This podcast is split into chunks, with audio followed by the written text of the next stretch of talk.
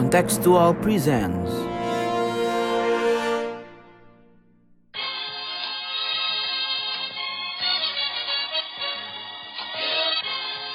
sondern wir schaffen uns unseren Staat. Mr. Gorbachev, open this gate. Together, we will make America great again. Sudah cukup bagi kita untuk mengatakan bahwa winter is coming. Selamat datang di podcast Bebas Aktif. Yo. Halo teman-teman conference dan uh, hari ini kita bertiga nih ngepodcast ada gue Kelas Tawazun, kemudian ada Mas Sofwan. Halo Mas. Halo, Ikhlas. Apa kabar? Alhamdulillah masih di sini. Oh, masih di situ ya. Masih ikhlas juga ya. Masih masih kelas Oke, menjalani kita- hari Hari-hari eh, penuh ujian keikhlasan ya dengan berbagai hal. Makanya hari ini kita eh, mengundang tamu khusus nih. Waduh. Siapa kelas? Tamu khusus dari Pandemic Talks, Pak Kamil. Halo Pak Kamil. Halo, selamat siang sekarang ya. Rekamannya siang-siang. Selamat datang. Eh, Selamat datang Mas Sofian Kamil. sama Mas Siklas. Selamat eh, terima kasih diundang. Oh, kami yang berterima kasih sudah Oh iya, kita ya, ya, terima kasih. hadir. harusnya. Oke, jadi uh, dengan ngundang Pandemic Talks, kayaknya kita udah jelas nih kita mau ngomong-ngomong soal apa nih.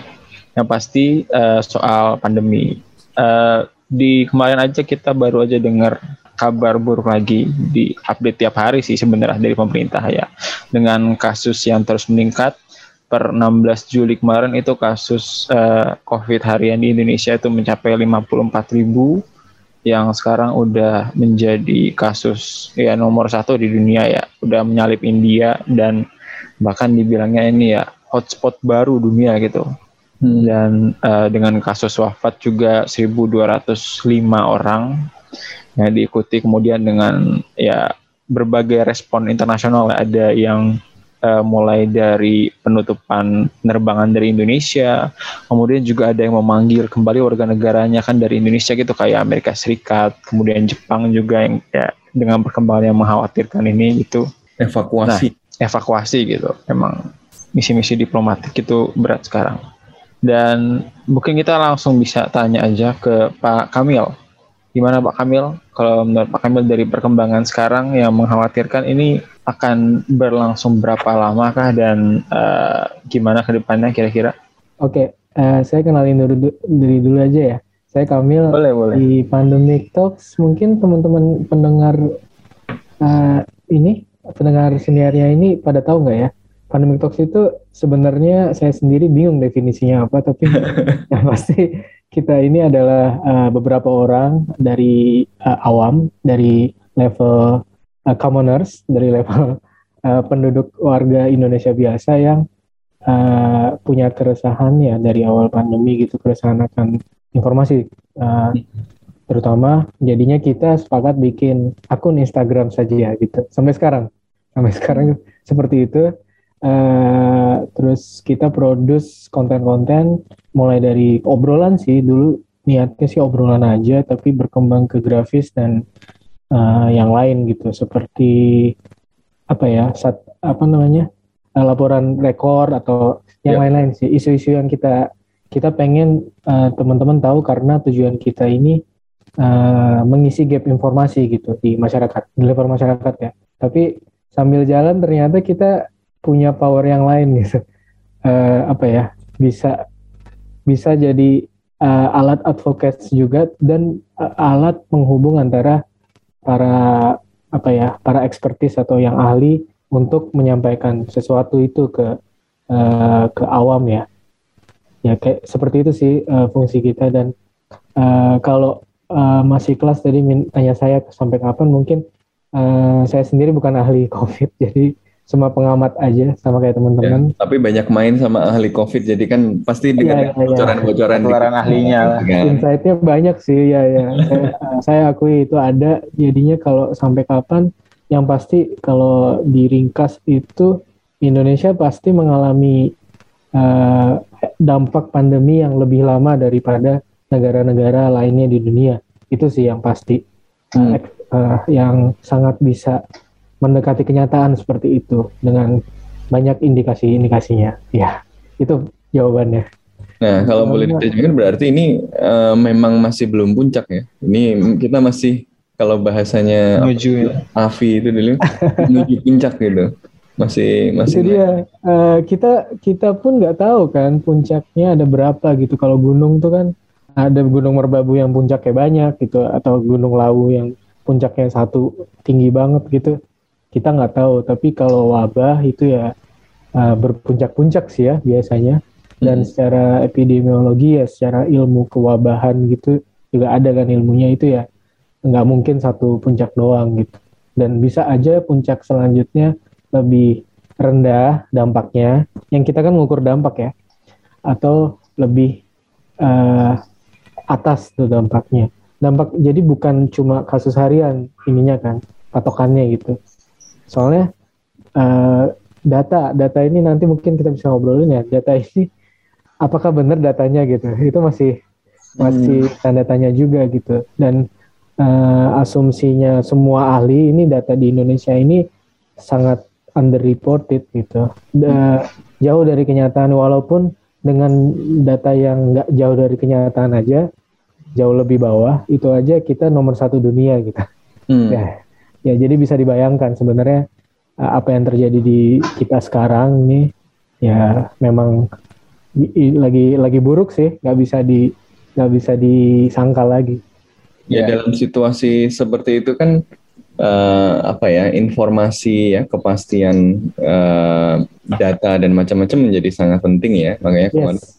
teman-teman yang di pandemic talks itu uh, kemudian apa uh, menginisiasi uh, inisiatifnya kan juga pasti karena itu gitu. Nah, se se selama setahunan lebih meng mengawal proses ini, uh, ya dulu awal-awal bikin infografis macam-macam gitu ya. Belum ada perbaikan gitu mas ya? Uh, gini, perbaikannya ada ada banget sih ya.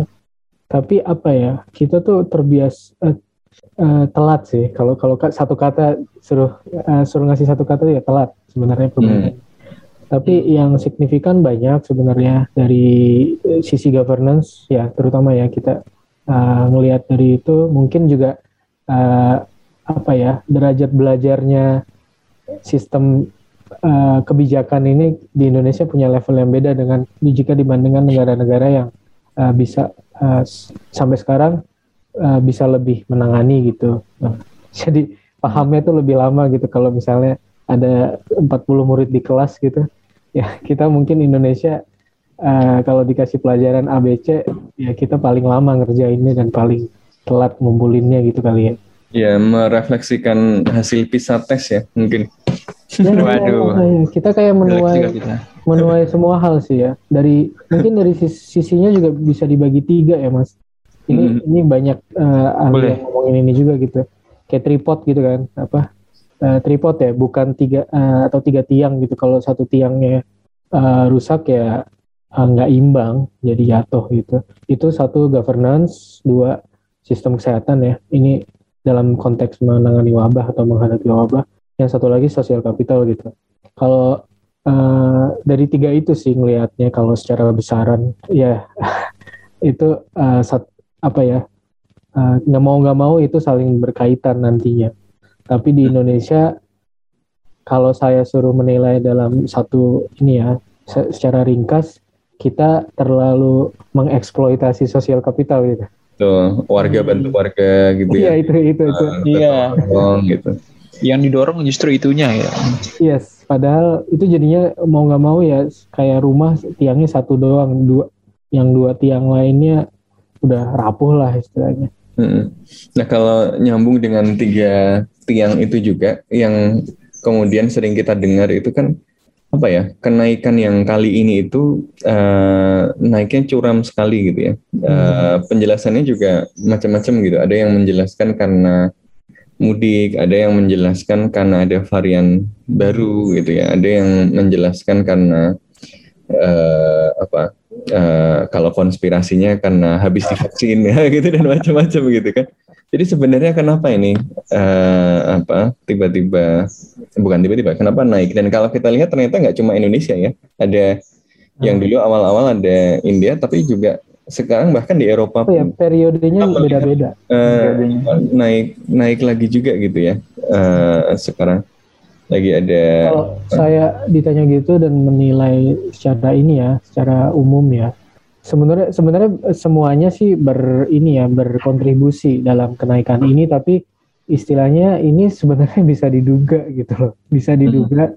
Jadi hal-hal eh, kalau misalnya penyakit ya, saya mungkin bidangnya di kedokteran, jadi eh, s- kita tahu gitu loh resikonya apa gitu. Kita menakar eh, sebagai manusia kan biasa lah menakar risiko gitu. Kalau kalau naik motor keluar ke jalan raya ya harus pakai helm gitu soalnya ada risiko jatuh dan untuk mengurangi itu pakai helm dan uh, yang lain kan jalan di jalurnya Hmm. kalau ada rambu lalu lintas di itu. Jadi uh, kalau kita tahu ada risiko itu ya kita harus mitigasi gitu dan mence- mencegah gitu. Bukan setelah uh, apa ya uh, setelah terjadi baru ditambal-tambal gitu. Yang kita lakukan selama ini adalah tambal-tambalan kan. Uh, hmm, uh, jadi setelah terjadi baru ditutup kayak kayak kebijakan yang terakhir deh P, PP apa PPKM saya sampai bingung uh, singkatannya, singkatannya banyak ya.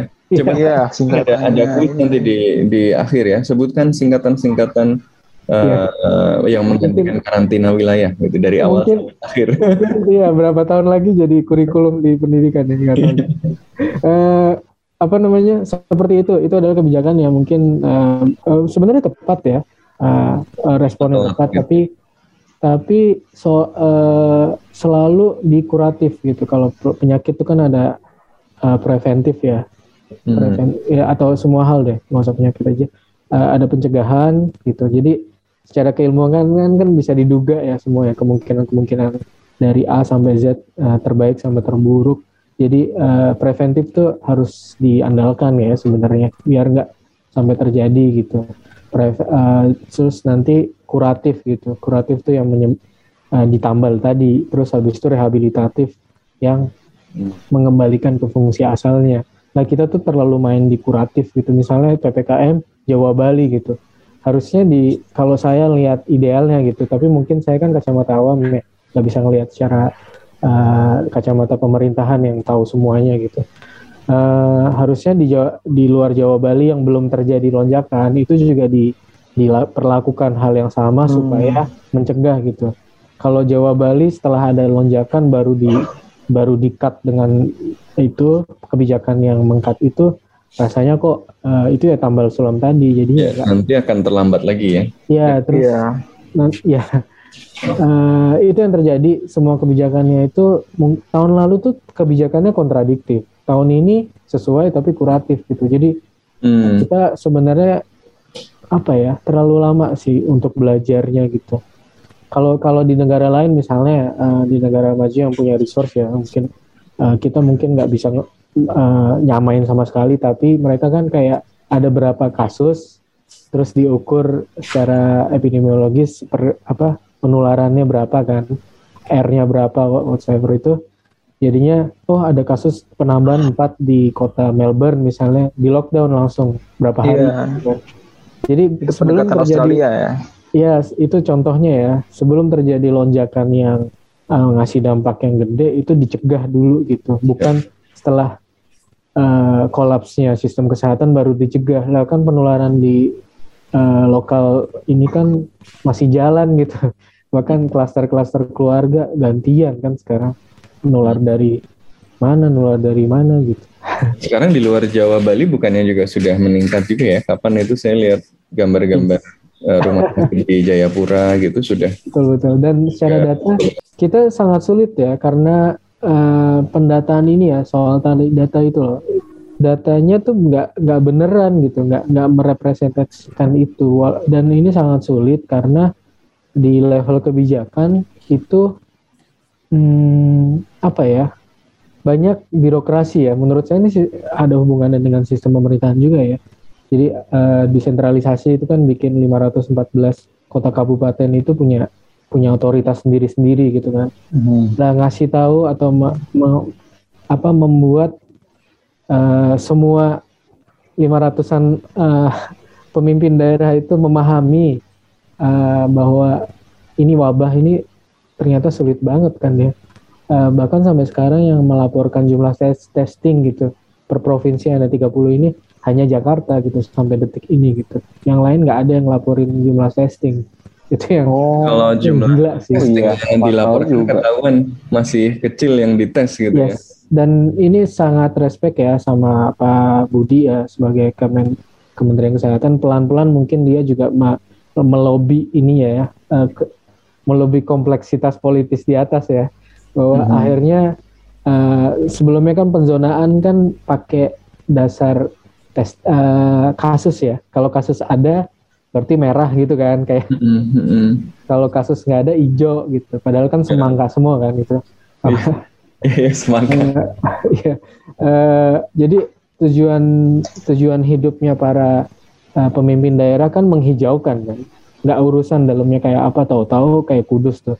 Tahu-tahu rumah sakit penuh tahu-tahu banyak yang meninggal gitu. Padahal uh, kalau ditilik lagi di kudus misalnya itu tempat tes PCR-nya cuma satu lab gitu satu kota hmm. ya ampun ya se ya, ya. sejauh itu gapnya tapi Pak Budi barusan me, me, apa ya uh, bikin kebijakan ini uh, nggak tahu per kapan tapi uh, eh, KPI-nya itu apa namanya penzonaan itu berdasarkan hmm. berdasarkan uh, apa positif rate positif rate. Oh, Jadi testingnya yang di, di ini kan dilaporkan dan dinilai itu sebagai merah atau apa pun lah itu.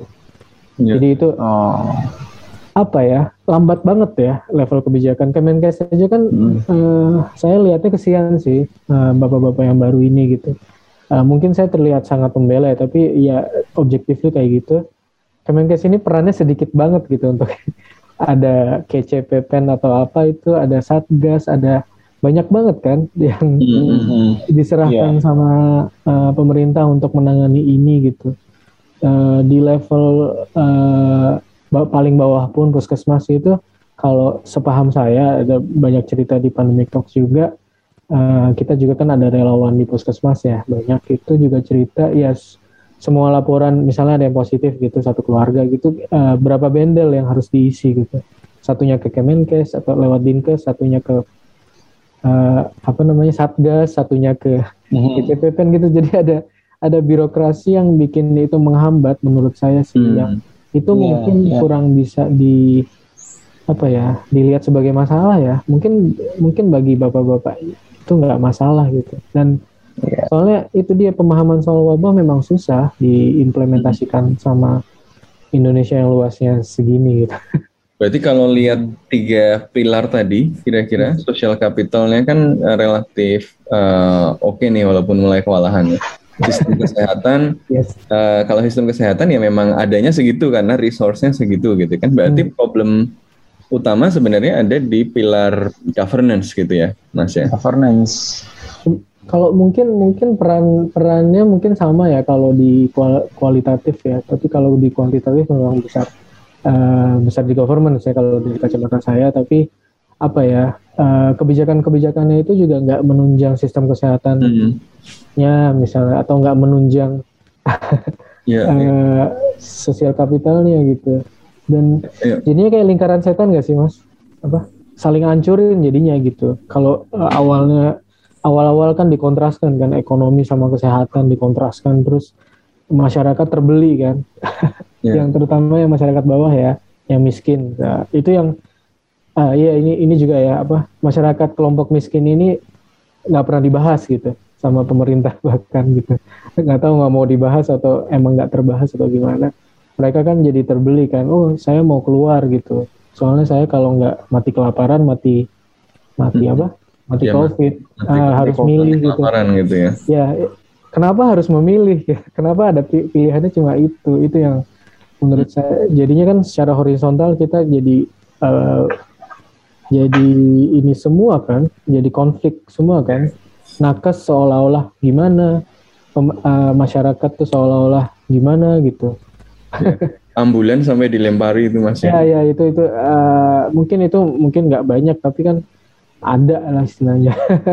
Kalau kalau dari sisi kebijakan sendiri governance mungkin tadi ada mau ngomentarin sedikit dari yang Pak Kamil. Kalau dari saya sendiri sih ngelihatnya terutama terhadap pemerintah ya. Kalau kita kilas balik ke awal juga, uh, ya dengan adanya dari dulu dari awal PSBB, terus abis itu berbagai jenis nama ppkm, ppkm mikro, ppkm Penebalan. ppkm, ya ppkm itu sampai sekarang ppkm darurat gitu kan. Hmm. Ya, kalau dari sisi governance yang mungkin saya lihat kurang banget ya, terutama mungkin antara PSBB sama ppkm darurat itu ya kebanyakan orang ngertinya ya ppkm itu yang penting pakai masker, cuci tangan, terus kayak ya udah itu doang. Kayak nggak nggak tahu misalnya eh, di dalam satu ruangan tuh minimal eh maksimal ada berapa orang gitu. Dan eh, apa namanya detail-detail dari kebijakan lainnya itu yang juga sebenarnya penting untuk eh, apa namanya menghambat infeksi dan juga penambahan kasus corona gitu di kita gitu kan ya kita masyarakat gak ngerti yang mengerti ya udah perubahannya aja. Perubahan namanya di ppkm ini ppkm itu. Jadi kalau dari sisi PR-nya itu kayak ya public relations-nya pemerintah tuh agak kurang gitu. Padahal kan eh, kita buat membuat kebijakan tuh harus yang lebih membumi lah yang gampang eh, diterima sama masyarakat juga gitu. Sementara dari awal juga eh, apa namanya dari presiden kan udah menolak ada adanya istilah lockdown jadi kayak nggak ada lockdown kita jadi sampai sekarang ya udah ppkm darurat aja gitu. Dan kabar kan baru diperpanjang sampai apa namanya 31 Juli gitu. Terus tadi eh, kayak terkait bingung kayak peran Kemenkes yang sedikit kan sementara ada Satgas ada KPCPEN juga yang dipimpinnya sama Pak Luhut kalau nggak salah ya Menko Marves ya gitu Saya kurang bisa Iya. memahami ya tiba-tiba Pak Luhut ngomong, tiba-tiba Pak Erick Thohir juga Erlangga ngomong. gitu ya tiba-tiba Iya. Erlangga ya ya eh, eh, apa ya sebagai orang awam yang pengen peduli aja susah memahami gitu tapi apalagi orang yang nggak nggak pak eh, istilahnya nggak nggak terlalu ngelihat ke sana gitu Hmm. taunya itu pejabat ngomong udah benar gitu mewakili semuanya gitu Iya. Ya, termasuk kemarin ya yang ramai soal apa eh, ivermectin itu Pengumuman- juga. sempat ada pengumuman dari BUMN ya bahwa diizinkan untuk aduh aduh penanganan Om- COVID gitu. pembantrin diributin aduh. tiba-tiba BPOM meralat gitu. Ini kan Ya, ya, ya. ya itu menunjukkan barangkali eh, ya memang problemnya di di governance ini gitu ya dan proses belajar yang lambat gitu. Eh, jadi kalau dalam bahasa yang sering di apa diobrolin kalau teman-teman yang eh, belajarnya eh, ekonomi politik gitu ya, Hmm. COVID itu does not disrupt the system. COVID itu Ya, ya, exposes the system. gitu kan. Exposes, iya. COVID itu Eh, sebenarnya ya. eh, ya memunculkan saja masalah-masalah yang selama ini kita rasakan. Cuma berbeda dari masalah-masalah lain yang dampaknya nggak kita lihat di sekitar kita langsung gitu ya. Ada orang meninggal atau apa gitu ya. Eh, ya sekarang ini kita rasakan secara eh, langsung gitu. Nah, memang harganya kemudian jadi eh, sangat mahal ya. Kalau Ya. kita tadi yang yang menarik yang yang saya ingin eh, highlight dari yang disampaikan eh, oleh Mas Kamil tadi ya. Ya pertama so- soal apa tiga pilar tadi yang eh, rasanya eh, masih terlalu berat ke social capital sementara eh, eh, dua yang lain ya terutama yang governance ini agak pincang gitu kan. Eh, tidak hanya tiga pilarnya pincang gitu. eh, kemudian tadi juga di highlight soal eh, problem komunikasi yang tidak Yes, yes, Uh, yang yang sulit ya problem komunikasi yang yang tidak konsisten ya pesannya berubah-ubah gitu ya Dan- uh, ya, berbeda-beda. Nah uh, kalau kita lihat nih kebetulan uh, kemarin ketemu saya ketemu sama teman-teman uh, dari negara-negara ASEAN Plus 3 ya uh, yang kita punya Network of East Asia Think Tank. Kita ada working group tentang penanganan COVID. Ya jadi uh, best practices uh, de, uh, apa dan lesson learned dari masing-masing negara termasuk uh, yang yang yang menarik menurut saya beberapa negara yang mungkin justru kita nggak terlalu hitung ya kayak Brunei gitu ya Yes. Hmm. kemudian uh, Vietnam gitu ternyata uh, mereka lebih mampu uh, cope dengan uh, pandemi ini dengan cepat dan kalau dengar cerita teman-teman ini uh, key apa kuncinya sebenarnya pada Puskesmas. sedia payung sebelum hujan Iya, itu iya, iya, pencegahan itu. Uh, dan jadi kayak Brunei itu dokter Ani uh, dari Kementerian Kesehatan Brunei misalnya dia cerita bagaimana Brunei itu eh, sudah mensimulasikan skenario-skenario semacam ini bahkan sebelum ada COVID ya, tapi karena dulu ada flu burung dan macam-macam. Mungkin karena mungkin karena Indonesia ini dulu apa ya tidak terlalu terdampak flu burung jadi kita dan SARS gitu ya. Makanya waktu itu kita agak santai gitu jangan-jangan. Oke, kalau kita lihat kan yang reaksinya agak cepat ya eh, dan kebetulan reaksi cepat ini yang kemudian menentukan kesuksesan karena peningkatan kasus kan sifatnya eksponensial. Jadi kalau dia di stop di awal kan eh, sebenarnya nggak sempat naik. Ya gak sempet naik gitu. Timing makanya timing itu kan kemudian menjadi penting. Dan yang kemudian bereaksi dengan cepat yang sukses itu kan ya memang mereka yang dulu terdampak berat sama flu burung ya. Jadi ada faktor pembelajaran itu juga kali mas. Eh, Kalau kalau dulu ada Vietnam kan iya, kan iya. gitu. mungkin mau ngoreksi dikit ya flu burung itu kan eh, avian flu ya 2000 berapa tuh 2012 ya Hmm. itu mungkin nyaru sama SARS ya SARS yang Hmm, hmm, hmm, SARS dan MERS itu flu burung tuh nggak nyampe pa- eh, pandemi kan hmm, dan hmm, itu eh, menularnya dari bu- unggas ke hmm. Manusia betul Ah, jadi belum manusia ke manusia, jadi Hmm. memang belum sampai. Dan kalau lihat itu, kalau lihat SARS it- eh, itu sebenarnya dampaknya tuh justru di di dunia tuh paling bes itu kan berapa berapa puluh orang atau ya atau eh, saya mungkin rada rancu ya eh, flu burung sama SARS segala macam itu eh, dampaknya ke Indonesia tuh lumayan besar kalau dari kuantitatif, Hmm. tapi secara populasi bener-bener sedikit jadinya. Tapi kalau dibandingin secara angka, kita tuh setara mungkin atau atau yang mungkin dari 700 eh, 700 korban, 700 nyawa sedunia yang gara-gara SARS itu itu eh, apa namanya seperberapanya tuh Indonesia gitu. Jadi Hmm. proporsinya emang gede. jadi sebenarnya besar juga ya besar juga, Besar. tapi karena kita memang menghadapi banyak hal, uh, misalnya ada korban dari TBC atau demam berdarah atau malaria yang mungkin ya di tahun itu lebih besar juga gitu, tapi karena ini endemik lah istilahnya, jadinya uh, kurang tidak terlalu hype gitu. Bahkan di uh, ada yang mengulu-ulukan siapa mantan menteri yang jadi narapidana Bu Siti Iya. jadi Siti. penyelamat apa itu padahal kan nggak nggak kayak gitu ceritanya gitu kan dan bisa diulik juga banyak jurnal yang membahas ini sebenarnya jadi Hmm, hmm. eh, untuk Indonesia mungkin eh, bukan kita bagus tapi mungkin dampaknya nggak nggak nggak sebesar Betul, itu betul. karena betul eh, se- menurut saya seperti itu dan tapi dampaknya untuk negara yang populasi dan areanya kecil seperti Brunei yang jadi bahkan terasa besar gitu ya. Ya Brunei yang mungkin besarnya sebesar sama Semarang aja gede, gede Semarang gitu mungkin ya. Dan Singapura yang sama luas wilayahnya ya, sama Jakarta gedean Jakarta. Bahkan populasinya Jakarta dua kali lipat hampir dua kali lipatnya. Eh, ini satu setengah kali lipatnya Singapura kan populasinya gitu. Jadi dengan dengan perbandingan-perbandingan demografi seperti itu eh, dampak menjadi beda kan Mas Hmm.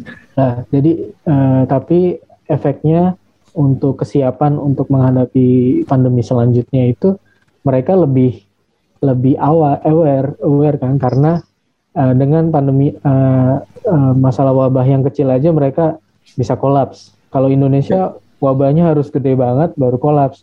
Mm-mm. Jadi dulu agak underestimate mungkin. Iya, iya. Ini paling Iya, iya, dulu, iya. paling begini aja gitu. Ya, ya. Mungkin kita kayak Singapura dulu kan, dulu kan terdampak banget gitu. Jadi mungkin next, ya ini ini tanda tanya juga sih, apakah kita akan siap untuk pandemi berikutnya? Saya mungkin eh, ngelihatnya mungkin aja siap, mungkin aja enggak, enggak gitu Ya setelah. harus siap. Kita Nah, nggak ini ada. masalahnya kan banyak hal kan.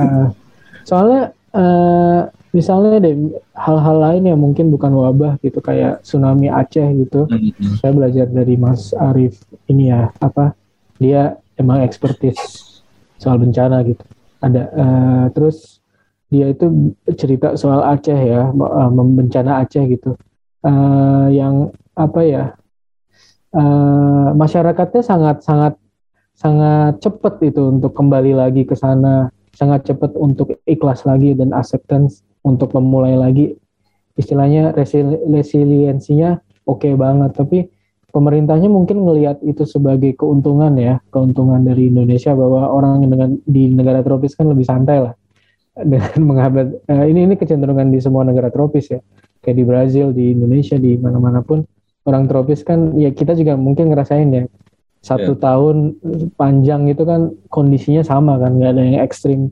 Eh, saya juga enam tahun kemarin kan tinggal di Jepang empat musim gitu kan. Jadi kan kalau musim gugur ya nanti kita siap-siap musim dingin gitu. Lebih mitigasinya lebih ada Hmm. gitu secara naluri. Jadi orang-orangnya pun karakternya beda. Orang di sini di Indonesia mungkin eh, ada sesuatu itu ya, mungkin penerimaannya beda. Misalnya dengan lebih ikhlas. ah, oh itu bencana terus eh, nggak dipikirin gitu loh bencana selanjutnya gimana. Oh iya sih. Misalnya kalau eh, bangun rumah batu bata roboh karena gempa, ya bangun lagi batu bata lagi gitu. Ya, ya. Ah, nggak dibuat yang bisa lebih tahan kuat gempa gitu, ya. ah, ya seperti itu. Jadi eh, apa ya? Kita memang punya karakter seperti itu. Kita nggak nggak pernah bisa belajar sih. Masyarakatnya kayak gitu. Jadi masyarakat eh, pemerintah adalah saya percaya banget polit, sistem politik adalah cerminan dari eh, publik gitu kan. Kalau publiknya kayak gini ya politiknya kayak gitu gitu. Walaupun eh, kita ada beberapa minoritas yang kita minoritas ya yang yang teriak-teriak eh, sistem politik ini banyak yang harus dibenahi tapi eh, yang jalan kan ya mayor sistem politiknya gini-gini aja kan. Jadinya eh, di atas pun ya cerminan kita. Jadi sus- susah menerima bahwa ada kondisi-kondisi yang eh, ekstrim. Jadi nggak pernah belajar untuk eh, menangani sesuatu. Nggak pernah menyadari bahwa kita punya masalah gitu. Jadinya slow-slow aja. Kayak Hmm. sistem kesehatan ya saya mungkin mau ke sana gitu. Kita kita ini dari 2018 2019 udah di highlight sama sama WHO dalam bentuk apa saya lupa juga. Eh, itu juga kita dan negara-negara lainnya misalnya Vietnam Thailand macam-macam. Itu soal eh, apa pusat kesehatan masyarakat gitu. Yang first line ini. Kalau di Indonesia namanya puskesmas kalau tempat lain kan namanya eh, sendiri-sendiri tapi fungsinya seperti itu. Dan di Indonesia ini puskesmas adalah tools yang paling paling berperan menurut saya untuk menjadi eh, apa ya garda ter apa ya terdepan lah. Garda terdepan untuk eh, kalau ada sesuatu yang endemis atau pandemi gitu. Eh, karena satu-satunya fasilitas kesehatan yang ada di setiap kecamatan di Indonesia itu puskesmas gitu. Eh, ya dan ada orangnya gitu ada ada pekerjanya gitu ada eh, tapi ada cuma beberapa kecamatan yang nggak ada gitu dari berapa ribu kecamatan. Eh, tapi sampai sekarang sistem kesehatan itu nggak pernah dilirik kan sama pemerintah gitu. Nggak jadi puskesmasnya ada bangunannya tapi eh, SDM-nya mungkin eh, sangat nggak ada gitu. Eh, misalnya persebaran dokter di Indonesia ini dari dulu juga masalah kan. Kalau kita lihat eh, proporsinya ya proporsi dokter gitu ya ini salah satu nakes ya salah satu nakes yang punya peran juga kan di pandemi ini. Eh, dokter itu 0,4 kan 0,4 per seribu populasi. Istilahnya satu dokter tuh menangani 10.000 orang di Indonesia.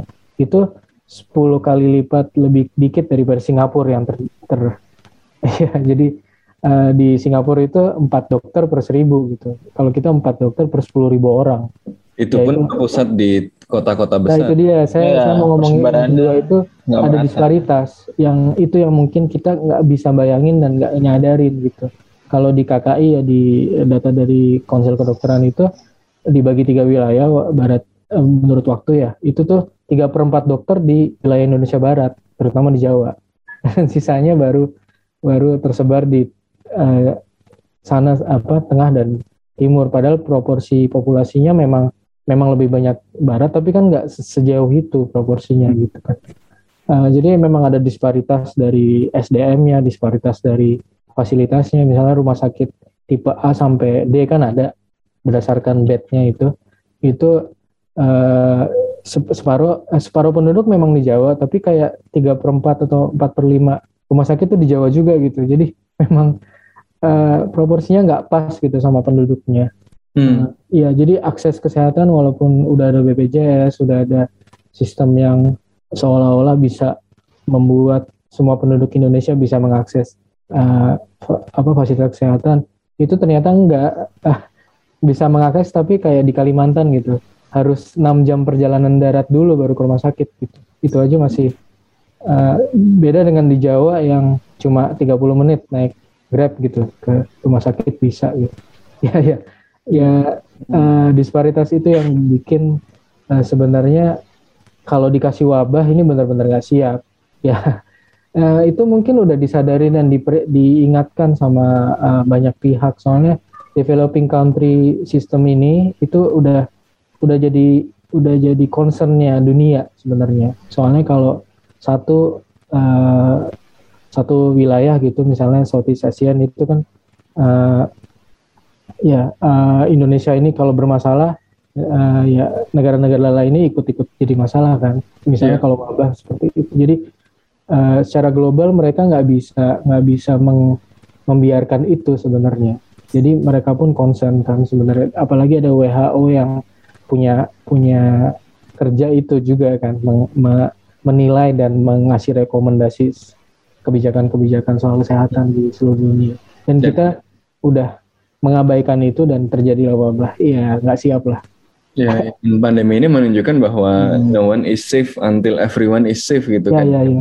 Betul. Kayak tadi wajar kalau apa uh, eh, WHO misalnya uh, memperingatkan berkali-kali uh, di apa pembangunan sistem kesehatan yang baik di Indonesia dan macam-macam. Tapi juga sekaligus uh, ini harusnya dipahami di level domestik juga ya bahwa hmm. apa pembangunan yang uh, timpang gitu ya, fasilitas kesehatan yang terpusat uh, di Jawa misalnya ini juga uh, akan punya konsekuensi uh, buruk tidak hanya hmm. dalam uh, wabah ini tetapi uh, ke uh, ya wabah lain atau masalah-masalah uh, lain. Masalah lain juga gitu ya. Hmm. Uh, Nah ngomong-ngomong soal tadi uh, apa no one is safe until everyone is safe ini kan sering juga digunakan untuk uh, apa membicarakan vaksin gitu. Ah, okay. Iya perihal vaksin. Kita kayaknya menarik kalau mulai masuk ke diskusi soal vaksin. Kayaknya dengan berbagai apa problem tadi ya fasilitas kesehatan yang uh, kesulitan, uh, tata kelola yang masih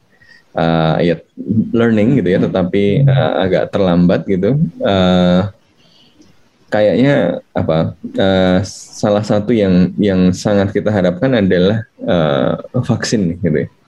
Uh, what is your uh, take on uh, vaccination in Indonesia? Ada hal yang menurut saya disayangkan sih dari terutama dari pemerintah ya, lagi-lagi pemerintah untuk mengkon, uh, memposisikan vaksin sebagai solusi, solusi hmm. solusi tunggal bahkan. Padahal padahal enggak kan. Hmm. Uh, itu sangat bisa kan silver bullet ya mungkin. dari bulan apa tuh? Dari tahun lalu kan ingat uh, saya ingat bulan Oktober atau November itu uh, entah siapa ya Pak Presiden atau Pak Luhut gitu sempat ngomong kan akan mulai disuntikan Oktober atau November bla bla bla gitu kan. Terus uh, Januari akhirnya disuntikan dengan uh, target uh, apa 17 eh, Agustus semuanya sudah beres gitu kan kayak kayak simbolis banget ya. Iya iya 17 kayak, Agustus. Terus, apa ya? Terus awal pertama dosis Sinovac yang di, di ekspor eh, diimpor dari uh, pabriknya itu datang di bandara di di apa ya?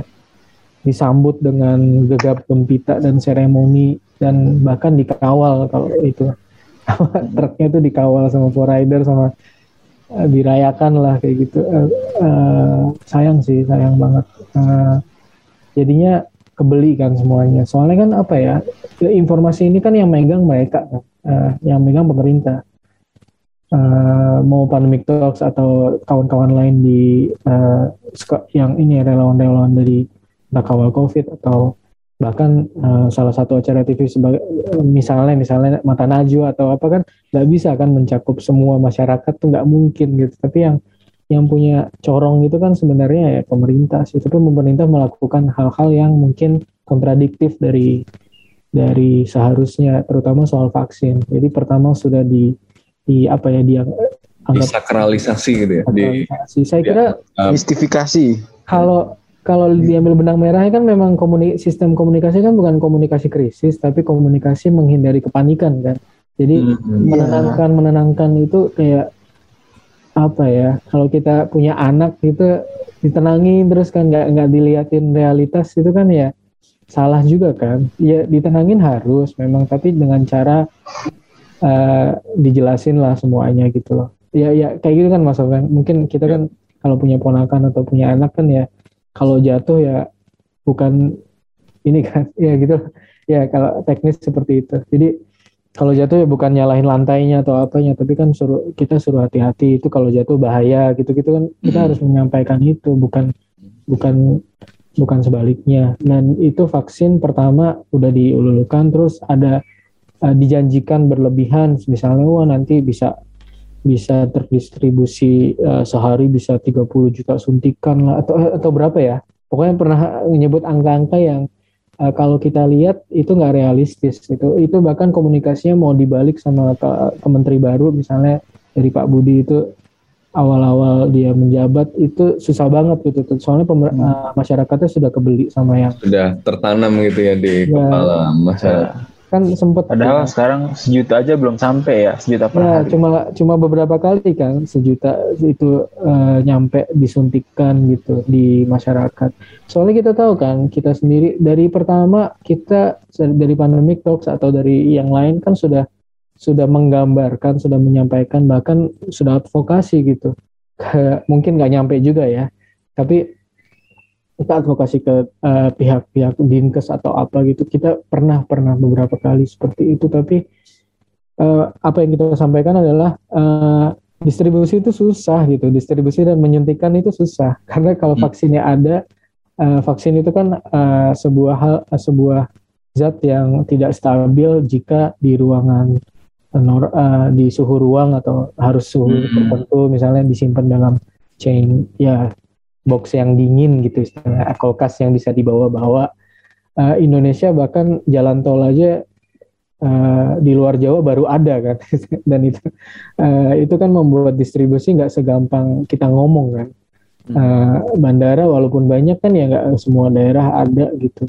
Uh, jadi vaksin itu nyampe di vaksinatornya di daerah sampai di populasi semuanya tuh nggak nggak segampang itu.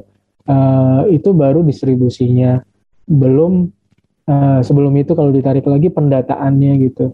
Uh, pengalaman Indonesia tuh vaksin terbanyak itu kan uh, pernah kan beberapa kali ada pekan imunisasi nasional atau whatever itu mm. itu kan uh, memang serentak diadakan tapi kan kurun waktunya beberapa bulan dan uh, di posyandu di puskesmas itu itu anak aja gitu bukan bukan yeah. semua usia Uh, paling berapa juta sih gitu. Nggak lebih, nyampe. lebih susah memvaksin bapak ibunya ya daripada ya, iya gitu lah. Vaksin itu kan menimbulkan kerumunan. Ya ini terjadi sekarang gitu kan. Hmm. kalau kalau antri kan jadi kerumunan dan itu mensupport penularan gitu kan. Hal-hal yang sangat bisa diduga kan sebenarnya.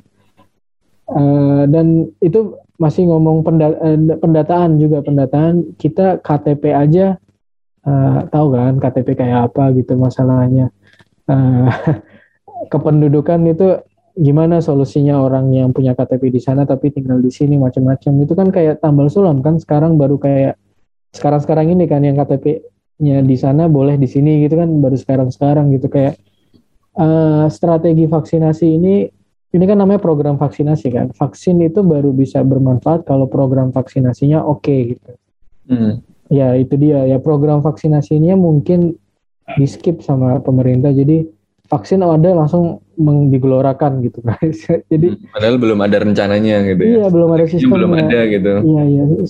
Itu diakui kok sama Kementerian Kesehatan. Mereka kesulitan karena memang belum ada uh, rencananya. Rencananya kan sangat gross ya. Itu itu yang diumumkan ya tapi yang dijalankan saya nggak tahu juga. Tapi tahap satu ini kan tenaga kesehatan gitu kan. Tahap dua uh, apa publik gitu kan. Pe, apa uh, pekerja publik. Itu aja pekerja publik itu nggak jelas pekerja publiknya apa aja gitu kan. Tiba-tiba uh, wakil dari uh, apa uh, di Bali wakil dari agama disuntikkan wakil dari uh, budayawan disuntikkan pekerja publiknya sebelah mana coba gitu. Jadi uh, terus tiba-tiba ini banget random banget kan tiba-tiba ada uh, uh, ada pub yang lain yang disuntikan tiba uh, disisip-sisipin lah gitu terus uh, dari awal teriak-teriak kan uh, uh, dari awal para ahli bilang yang yang perlu diprioritaskan adalah kelompok yang rentan gitu rentan adalah orang tua kan yang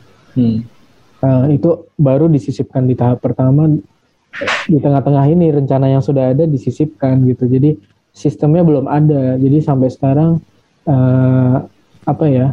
ya, Orang tua kan baru berapa persen kan itu baru 20-an persen padahal dari Januari gitu. ya, jadi memang sangat sulit di soalnya orang tua kan gimana ya? tiba-tiba ada sistem suruh daftar peduli lindungi itu kan orang tua gitu. Padahal Yeah. orang tua kan yang punya smartphone siapa? Mungkin anaknya atau siapanya gitu. itu yang mungkin nggak di Ya bisa Iya. bayangin ya disuruh daftar aplikasi gitu simbah-simbah gitu kan. iya ya kayak gitu lah. Terus rumah-rumah jompo itu nggak diakses gitu di Jogja di mana-mana ada laporan seperti itu di lapor COVID juga seperti itu. Di Jakarta mungkin jalan gitu, tapi kan Jakarta punya resource yang sangat beda. Ya tadi kan kita ngomong disparitas kan, kita ngomong ke- ketimpangan fasilitas macam-macam. Jakarta aja kesulitan untuk me- menyuntik lansianya gitu.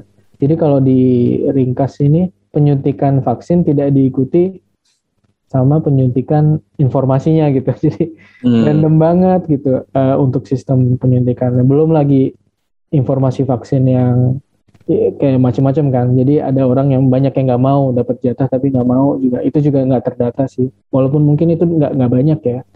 Yang eh, apa namanya vaksin bikin meninggal, vaksin bikin positif lah macam-macam kan banyak isu. Apa ya nggak di tackle gitu loh isunya. Iya. Hmm. Iya iya iya. Itu baru soal vaksinasi ya di Indonesia. Kita belum ngomong soal uh, inequity-nya di Indonesia kayak vaksin gotong royong yang tiba-tiba apa BUMN di, disuruh beli gitu kan perusahaannya. Terus kemarin ada yang ada yang tes ombak apa vaksin gotong royong berbayar di Kimia Farma yang tiba-tiba dibatalin juga kan baru tadi pagi atau kemarin dibatalin? Iya, baru baru banget. itu wow banget sih. A- apa? Gagapnya luar biasa sih sampai sampai WHO eh, apa press release soal kritik soal vaksin berbayar kemarin kan baru habis itu di Oh, iya sempet orang Hmm, WHO yang baru mengkritik itu. Soalnya kan vaksin itu kan dibeli atas disumbang kan tapi kenapa barang Hmm. Sumbangan dijual. dijual gitu Di- dijual di rakyat gitu Kebiasaan banget sih itu ya. iya. apa ya kalau diperhatiin pemerintah ya mungkin ini kritik yang lumayan keras ya tapi kita pemerintahan ini terbiasa untuk menilai eh, menempatkan rakyat sebagai konsumen ya apa ya sebagai bukan sebagai sebagai subjek gitu. sebagai objek yang eh, ini pun di di wabah pun kayak gitu kan. Kita selalu jadi kayak orang yang bukan dilibatkan gitu tapi tapi disuruh-suruh aja disuruh ini disuruh begitu kan. Hmm. ppkm ini psbb macam-macam. Ini baru soal vaksin di secara nasional ya. Kalau secara global mungkin lebih kompleks lagi ya mas Sekarang kan ada banyak vaksin tuh yang masuk ke Indonesia ya. ya itu dia Banyak banget. Eh, Mas, apakah memang betul ada perbedaan apa? Efikasi gitu ya atau bahasanya. eh, Sebenarnya apa ya? Kalau kacamata saya sebagai eh, praktisi klinis juga ya, saya kan kebetulan dokter melihat vaksin ini sebagai suatu teknologi yang yang keren banget sih. Saya kan di riset soal biologi molekuler juga, jadi eh, teknologi vaksin yang untuk COVID ini sebagai eh, hasil dari eh, apa ya? eh, peradaban yang termutakhir ya. Jadi satu satu tahun tuh udah jadi vaksinnya gitu. itu keren banget sih mas. Tapi itu sangat make sense karena eh, kalau dirunut-runut ini eh, soal biologi molekuler dan eh, semua yang berkaitan dengan itu memang setelah Human Genome Project ah, ada urutannya lah. Saya, jadi genom kita tuh bisa dideteksi eh, eh, bisa ter apa terbaca semua tuh tahun 2001 2003 itu. Setelah itu kayak ada akselerasi kemajuan teknologi kedokteran sih, kedokteran biologi macam-macam lah. Yang bio-bio itu eh, jadi implikasinya kayak kayak gini ya. Eh, akibatnya adalah penemuan vaksin itu bisa cepet banget gitu karena teknologi itu. Dan eh, teknologi ini eh, dengan sistem ke scientific yang global, jadi eh, semua universitas di dunia itu kayak kerjasama dan punya networking untuk uh, apa reproduce the science gitu. Jadi misalnya uh, Pfizer itu nemu di uh, Perancis atau daerah Eropa Barat sana kan, tapi teknologinya bisa langsung dibeli dan diproduksi massal di Amerika gitu. Dalam itu kan cuma dikirim internet kan rumusnya gitu loh istilahnya kayak gitu ya terus kayak gitu. Jadi sangat cepat sebenarnya informasi dan teknologi ini. Jadi ini uh, sebenarnya kalau sekarang banyak banget model vaksin itu fung, uh, plus minusnya ini. Plus minusnya mungkin beda-beda ya. Soalnya kan ada yang dari metodenya begini virus dilemahkan lah apa hmm. RNA lah macam-macam itu. Kita nggak usah bahas sampai situ. Tapi uh, istilahnya sebagai vaksin itu kalau udah melalui uh, uji-uji klinis yang sesuai dengan konsensusnya dunia gitu kan ada uh, dunia tuh punya konsensus gitu. gitu. Uh, ada uji klinis yang tahapan-tahapannya tuh baku banget gitu di dunia gitu kalau ada yang melanggar itu ya udah pasti di blacklist ininya uh, farmasinya atau apanya ya kontrolnya itu gimana gitu ada kalau ada ada kapitalis yang mau curang gitu gimana gitu itu bisa aja tapi hmm. dikontrol sama WHO dikontrol sama uh, jadi banyak badan dunia yang udah udah mengontrol itu jadi hmm. uh, produk-produk itu sebenarnya kalau udah melewati fase-fase itu sebenarnya udah threshold sebagai vaksin itu standar sebagai vaksin udah oke okay. Jadi uh, bedanya itu nggak signifikan sih kalau disuntikan misalnya uh, apa pun mereknya, kalau disuntikan di populasi yang banyak nanti pasti uh, akan terjadi kekebalan yang signifikan gitu, mengurangi kematian dan uh, mengurangi penularan nantinya gitu. Misalnya negara-negara yang sekarang udah 50% ke atas, Israel, UK macam-macam kan, walaupun uh, penambahan kasusnya ada, tapi kan yang kemati dikit banget gitu, atau sistem hmm. kesehatannya nggak kolaps karena kalaupun kena mereka tidak bergejala atau gejalanya sedikit cukup jadi bisa isoman gitu ya? Yeah. yes. Kalau Indonesia kan isomannya bukan isoman ini yang sekarang. Isoman karena tidak ditangani kan? Hmm. tidak bisa ditangani. Ya, beginilah saya. Ya karena walaupun demam di rumah sakit tuh udah udah memfiltrasi. Harusnya kan yang di rumah sakit itu yang gejala sedang. Eh, kalau misalnya rumah sakitnya kosong banget, eh, semua ge tanpa gejala pun harus dirawat. Tapi kalau rumah sakitnya sedikit penuh, yang kayak gitu loh, yang bergejala sedikit hmm. ya dirawat juga. Tapi kalau penuh lagi, yang sedang sama berat harus dirawat. Tapi kan sekarang enggak kan, harus berat banget baru dirawat. Yang sedang sama ringan, yang berpotensi berat juga, jadinya nggak dapat tempat. Itu yang terjadi sekarang kan. Jadinya uh, karena kolaps penuh, jadinya Uh, seperti itu itu kondisinya lah itu kondisi-kondisi itu kan bisa diprediksi kan nah itu hmm. uh, itulah gunanya vaksin di situ bukan kalau herd immunity itu kayak jauh ya semua orang tapi untuk mengurangi kematian mengurangi penularan itu itu sangat nyata untuk tempat-tempat yang vaksinasinya jalan jadi nah, semua yang udah dikirim ya. itu nggak ada masalah ya sebenarnya. Menurut saya sih nggak ada masalah karena udah udah melalui quality control itu. Hmm. Nah tapi masalah di global ini uh, beda lagi di mana eh, negara-negara yang punya resource uang terutama developed country yang punya punya akses dan punya networking yang kuat, punya posisi kuat untuk uh, memberi paten atau memberi apa pun lah itu uh, menyetok lebih banyak daripada populasinya gitu. Mm-hmm. Itu yeah, yang yeah. itu yang menjadi concern dari WHO dan ba- banyak banget uh, banyak yang gelut lah di luar gitu banyak yang berantem karena karena ini gitu. Uh, dan menurut di di sisi ini Indonesia sebenarnya berhasil sih melobi banyak uh, pihak. Kita kan dikirim uh, walaupun bergilir ya dikirimnya tapi kan sebenarnya kita tuh nggak kekurangan vaksin sebenarnya stoknya gitu.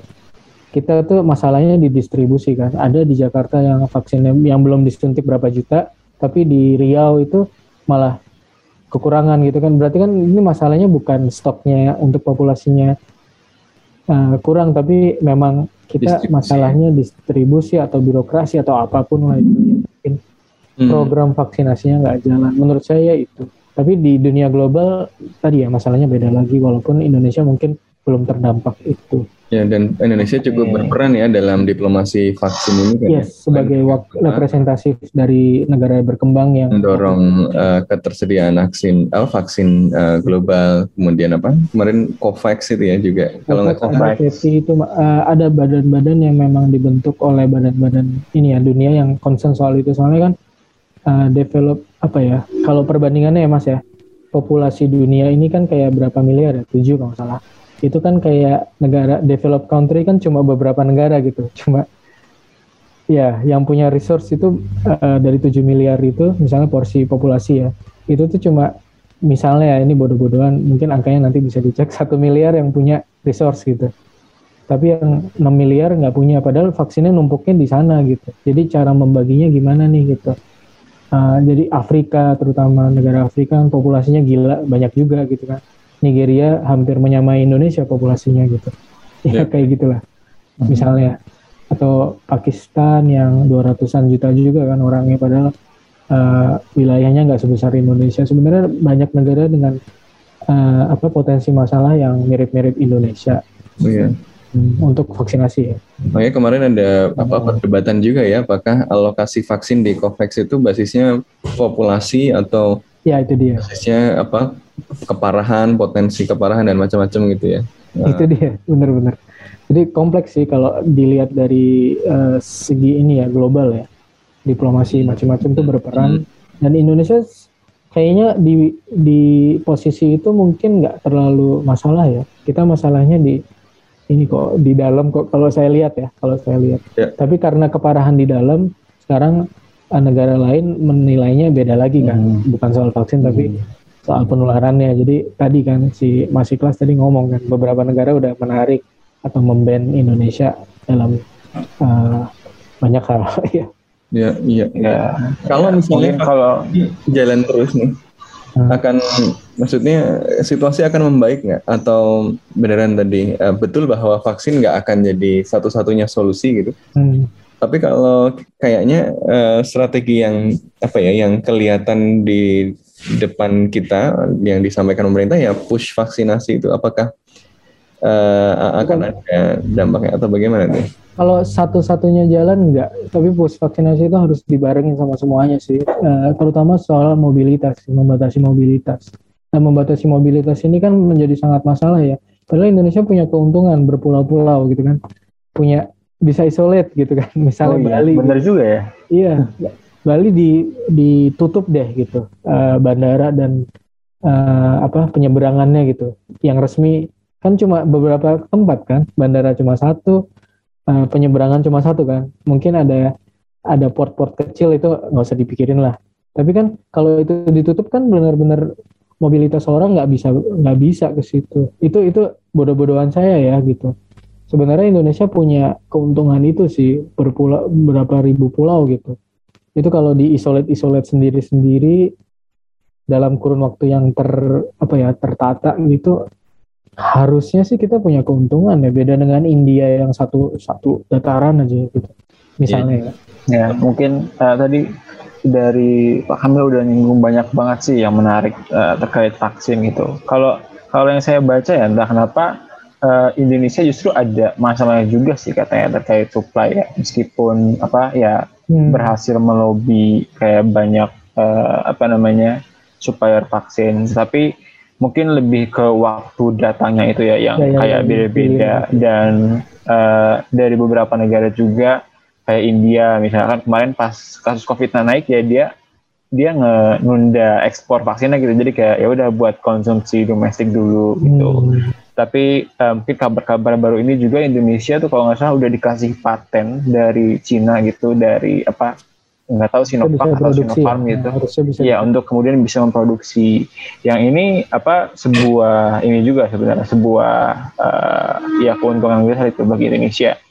Karena ya mungkin sebenarnya kalau di bahasan HI mungkin ya paten terkait paten selain distribusi paten itu kayak salah satu perdebatan ini juga terkait uh, vaksin itu kan karena paten ya adalah keuntungan negara-negara maju karena mereka yang punya teknologi yes, yes, untuk yes. apa untuk kemudian uh, meneliti soal meneliti vaksinnya, kemudian mereka juga yang uh, punya paten dan ya mereka yang megang gitu, mereka yang nentuin kemudian mau dikasih ke siapa ke siapa, siapa negara yang produksi dan kemudian siapa yang kira-kira bisa dapat keuntungan dari paten yang dipunya sama negara tersebut gitu kan. Kalau dari saya sebenarnya masih ada lagi tadi terkait paten itu uh, apa ya kalau dari Amerika dari negara-negara berkembang itu dan dari kalau itu sempat dari Amerika ada dorongan juga menarik dari Amerika itu untuk uh, wave ethnics. Uh, saya nggak ngerti, tapi kayaknya patennya tuh buat kayak dilepas gitu. Jadi uh, karena kan sebenarnya paradigmanya di kita di Indonesia dan mungkin dari teman-teman mahasiswa terutama ya yang menuntut ke pemerintah itu kayak saya itu ya bahwa eh, kayak vaksin itu sebagaimana eh, banyak aspek dari kesehatan lainnya itu kayak adalah public goods gitu kan. Tapi yang kita lihat bahwa ya patennya itu eh, nggak nggak bebas diproduksi gitu. Jadinya terjadi kayak hal-hal kayak tadi yang disinggung sama Pak Kamil yang kayak apa namanya beberapa negara itu numpuk lebih dari populasinya gitu. Ya di antaranya kalau saya sebut tuh kayak Amerika sampai dua kali populasinya. Kanada bahkan kabar sampai tiga kali iya. empat kali populasinya yeah. gitu. kayak kayak vaksin banyak banyak tuh buat apa gitu loh. Padahal kalau berlebih ya berlebih padahal. Jadinya itu mereka donasiin gitu beberapa uh, vaksinnya sekarang. Apa ya? Uh, kalau menurut saya ya uh, itu ter mereka tuh uh, itu akibat dari vaksin yang terus uh, dibeli saat teknologi itu baru berjalan pembuktiannya gitu. Jadi misalnya eh, Kanada atau Amerika yang membeli dua vaksin gitu misalnya Pfizer dan Moderna atau apa pun lah itu ya. Uh, itu tuh dibeli saat uji klinisnya lagi jalan ya kan? Jadi uh, mereka tuh sebenarnya menyiapkan saya dengar ini dari Mas uh, apa Zulfikar itu uh, jadi dia ngikutin banget. Uh, jadi setelah dia tuh kalau siap-siap gitu loh. Misalnya yang satu satu ini nanti uji klinisnya gagal berarti saya udah beli nih satunya lagi gitu. Jadi udah siap nah ternyata semua kan berhasil.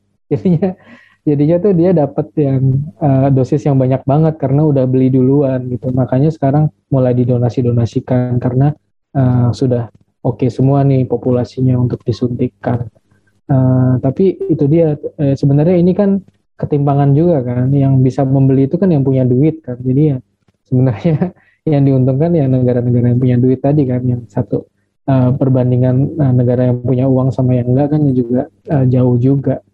Uh, itu akibatnya seperti itu. Uh, yang kedua adalah soal teknologi. Teknologi itu enggak ada ketimpangan juga di negara berkembang dan negara maju. Dan ini sebenarnya bukan soal uh, yang lain-lainnya tapi uh, banyak hal yang menjadi faktornya yang membuat teknologi itu nggak bisa direproducible lah istilahnya. Saya mungkin bahasanya itu ya. Paten itu dibeli, tapi kalau nggak ada pabriknya ya sama aja kan. nggak ada orang-orang yang bisa mengreproducible reproduce uh, paten itu ya sama aja. Seperti di Indonesia mungkin ada biofarma, tapi kan biofarma cakupannya seberapa sih gitu. Cuma pabriknya misalnya cuma beberapa, satu atau dua di Jawa gitu. Padahal kan yang butuh kan se sebanyak ini. Menurut saya itu adalah salah satu akibat dari uh, government yang membangun infrastruktur, nah membangun negara, ya mungkin concern prioritasnya infrastruktur aja, tapi bukan di pendidikannya, bukan di uh, memajukan teknologinya.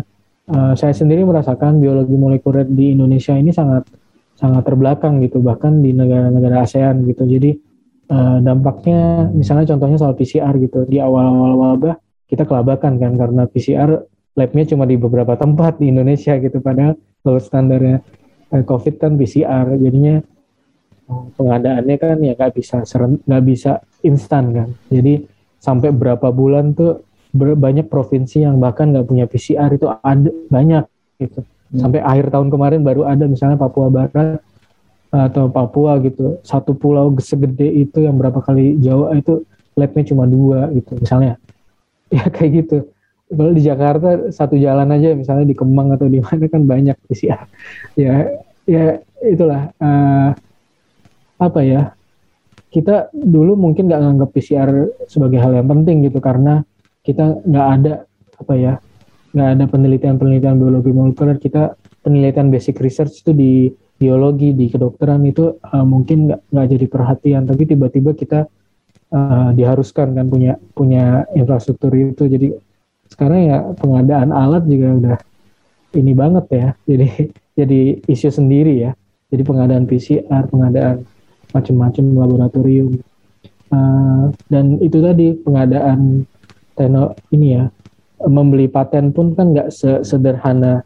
Membeli paten bayar terus kita langsung bisa produksi enggak karena memproduksi sebuah obat gitu misalnya sebuah zat yang membuat medis itu kan punya standar yang tinggi juga. Jadi orang-orang yang sumber daya Ya. manusianya juga gitu ya. itu kan bukan hal yang sekejap gitu. Jadi tiba-tiba lulusan farmasi suruh bikin itu nggak bisa. Nggak bisa. Harus ada eh, harus ada ini loh hal yang dibangun dulu gitu prasyarat prasyaratnya itu.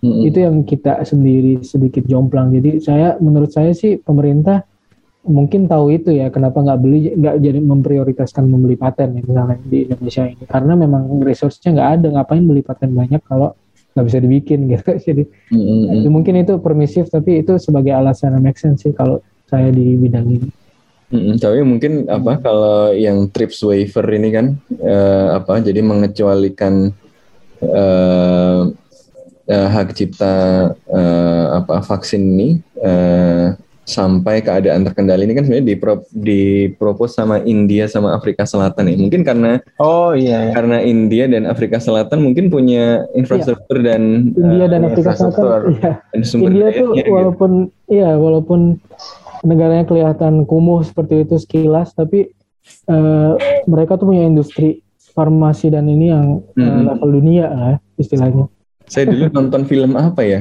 Film Cina gitu. Eh saya lupa judulnya. Tapi ngimpor-ngimpor obat-obatan ilegal tuh ya dari India dengan khasiat yang jadi gitu. Iya, kayak gini tuh harus eh, apa ya? Bener-bener tadi Mas Sofyan bilang exposing our problem gitu sebenarnya. Jadi Iya, problem kita tuh bukan hanya eh, soal ini dan vaksin itu bukan walaupun bisa ngasih kontribusi buat penanganan wabah, tapi nggak simpel itu sebenarnya. Nggak nggak sesederhana itu. Jadi kita harus know, brace ourselves ya. Kira-kira masih Iya, sayang sekali seperti itu ya di Indonesia. Jadi kalau Iya. pendengar di sini atau Mas Sofyan Maxi Ikhlas kalau ada ada kesempatan divaksin keluarganya lingkungannya please langsung ambil kesempatan itu sih. Siap. Jadi, itu privilege banget Pak. Gimana kelas? Ini Jadi kayaknya mungkin ya kita masih uh, agak long way dari uh, akhir pandemi COVID ini. Dan uh, buat teman-teman yang punya kesempatan vaksin boleh dengan cepat vaksin gitu. Tidak seperti saya yang harus nunggu negatif dulu karena sekarang masih positif meskipun sudah berbelas-belas hari gitu. Ya, uh, tidak terasa juga kita udah hampir sejam ngobrol dari uh, penanganan domestik di Indonesia sampai tren global dari pembagian vaksinasi. Mungkin kita dari eh, tamu kita dulu nih bisa menyampaikan sedikit kesimpulan buat eh, penutup podcast ini. mungkin sebagai orang eh, awam ya dan commoners kita nggak nggak punya nggak punya kuasa macam-macam gitu kan mungkin kuasa kita cuma diri kita dan lingkungan kita kita harus nyadar sih kalau situasi ini krisis gitu di luar sana gitu. Jadi ya bangunlah empati gitu kan misalnya kita eh, apa ya kita harus tahu gitu kondisi orang eh, dia harus terpaksa harus tahu gitu kan kalau di luar lagi krisis orang-orang nggak mungkin kalau kita punya privilege tertentu ya digunakan lah misalnya kalau bisa WFH ya WFH gitu. Kalau nggak bisa ya jangan jangan berkontribusi sebaliknya untuk me- meramaikan wabah gitu. Ya jaga diri sama keluarga terutama dan informasi itu kalau bis kalau kalau si bisa dan sempat kalau WA keluarga rusuh akan hoax kita benerin gitu. Kita jadi agen-agen eh, penyampai informasi itu. Dulu mungkin boleh lah males gitu ngelawan om-om ngelawan bude-bude kita yang toksik gitu. Ya ini ini mungkin saya generalisasi tapi rata-rata kan seperti itu. Tapi kita mungkin perlu energi sedikit lah untuk ke sana untuk setidaknya berargumen sama uh, ini sama keluarga kita lingkungan kita, lingkungan kita biar kita bareng-bareng menyadari ini gitu bahwa kalau gini-gini aja nggak nggak mungkin kita selesai dan kita sangat bisa berkontribusi dengan menyelamatkan lingkungan kita lah kira-kira begitu Eh, pesan yang sangat praktis dan kontekstual dari Pak Kamil ini luar biasa memang. Oke, selanjutnya dari Mas Sofwan, Mas boleh Mas? Ya, gue dikit aja sih. Mungkin gini dari obrolan tadi benang merah yang gue tangkap adalah bahwa ya pandemi ini bukan cuma isu kesehatan gitu ya. Jadi bahwa uh, ini memiliki dampak kepada kesehatan masyarakat, iya, tetapi uh, dia itu bertautan sangat erat dengan berbagai uh, kondisi uh, kita di tempat lain ya tadi. Uh, COVID mengekspos uh, permasalahan-permasalahan. Kalau orang sakit itu sekarang kan banyak yang yang ini ya muncul ya uh, tadinya nggak ngiranya nggak punya komorbid gitu baru setelah mau dicek mau apa ternyata ada komorbid gitu ini orang yang jangan-jangan kita ini ya ya kayak gitu gitu. Kita punya banyak penyakit gitu. Tetapi nggak pernah ngecek. Jadi ketika tiba-tiba kena sesuatu yang besar kayak pandemi ini kelihatan semua gitu. Gitu nah ini kayaknya uh, apa semoga sih setelah ini kita bisa ya apa dengan dengan belajar dengan berat dan menyakitkan seperti ini semoga kita kemudian paham bahwa inequality matters bahwa uh, apa uh, korupsi matters ya hmm. bahwa tata kelola yang baik itu matters bahwa birokrasi yang buruk itu matters bahwa pendidikan yang tidak jadi prioritas itu matters gitu ya. Jadi uh, hanya dengan kita memperbaiki hal-hal itu juga kita akan punya kesiapan yang lebih kokoh di masa yang akan datang gitu. Jadi ya uh, jangan sampai kita uh, uh, apa ya kemudian tidak belajar ya seperti tadi. Tapi itu kan harapan untuk jangka panjang. Jangan pakai sekarang ya mari survive. Iya, bertahanlah. survive tapi itu aja. Itu jangan sekarang. sampai jangan sampai kelewat belajarnya lah. Tapi sekarang survive dulu lah. Gitu. Oh, gitu guys. Siap. Mari kita survive bersama-sama lah ya. Ya. Jadi uh, dengan begitu kita tutup dulu untuk podcast bebas aktif episode kali ini. Buat teman-teman conference di rumah, jangan lupa stay safe, stay healthy, stay healthy dan sampai ketemu lagi. Terima kasih. Nah, terima kasih.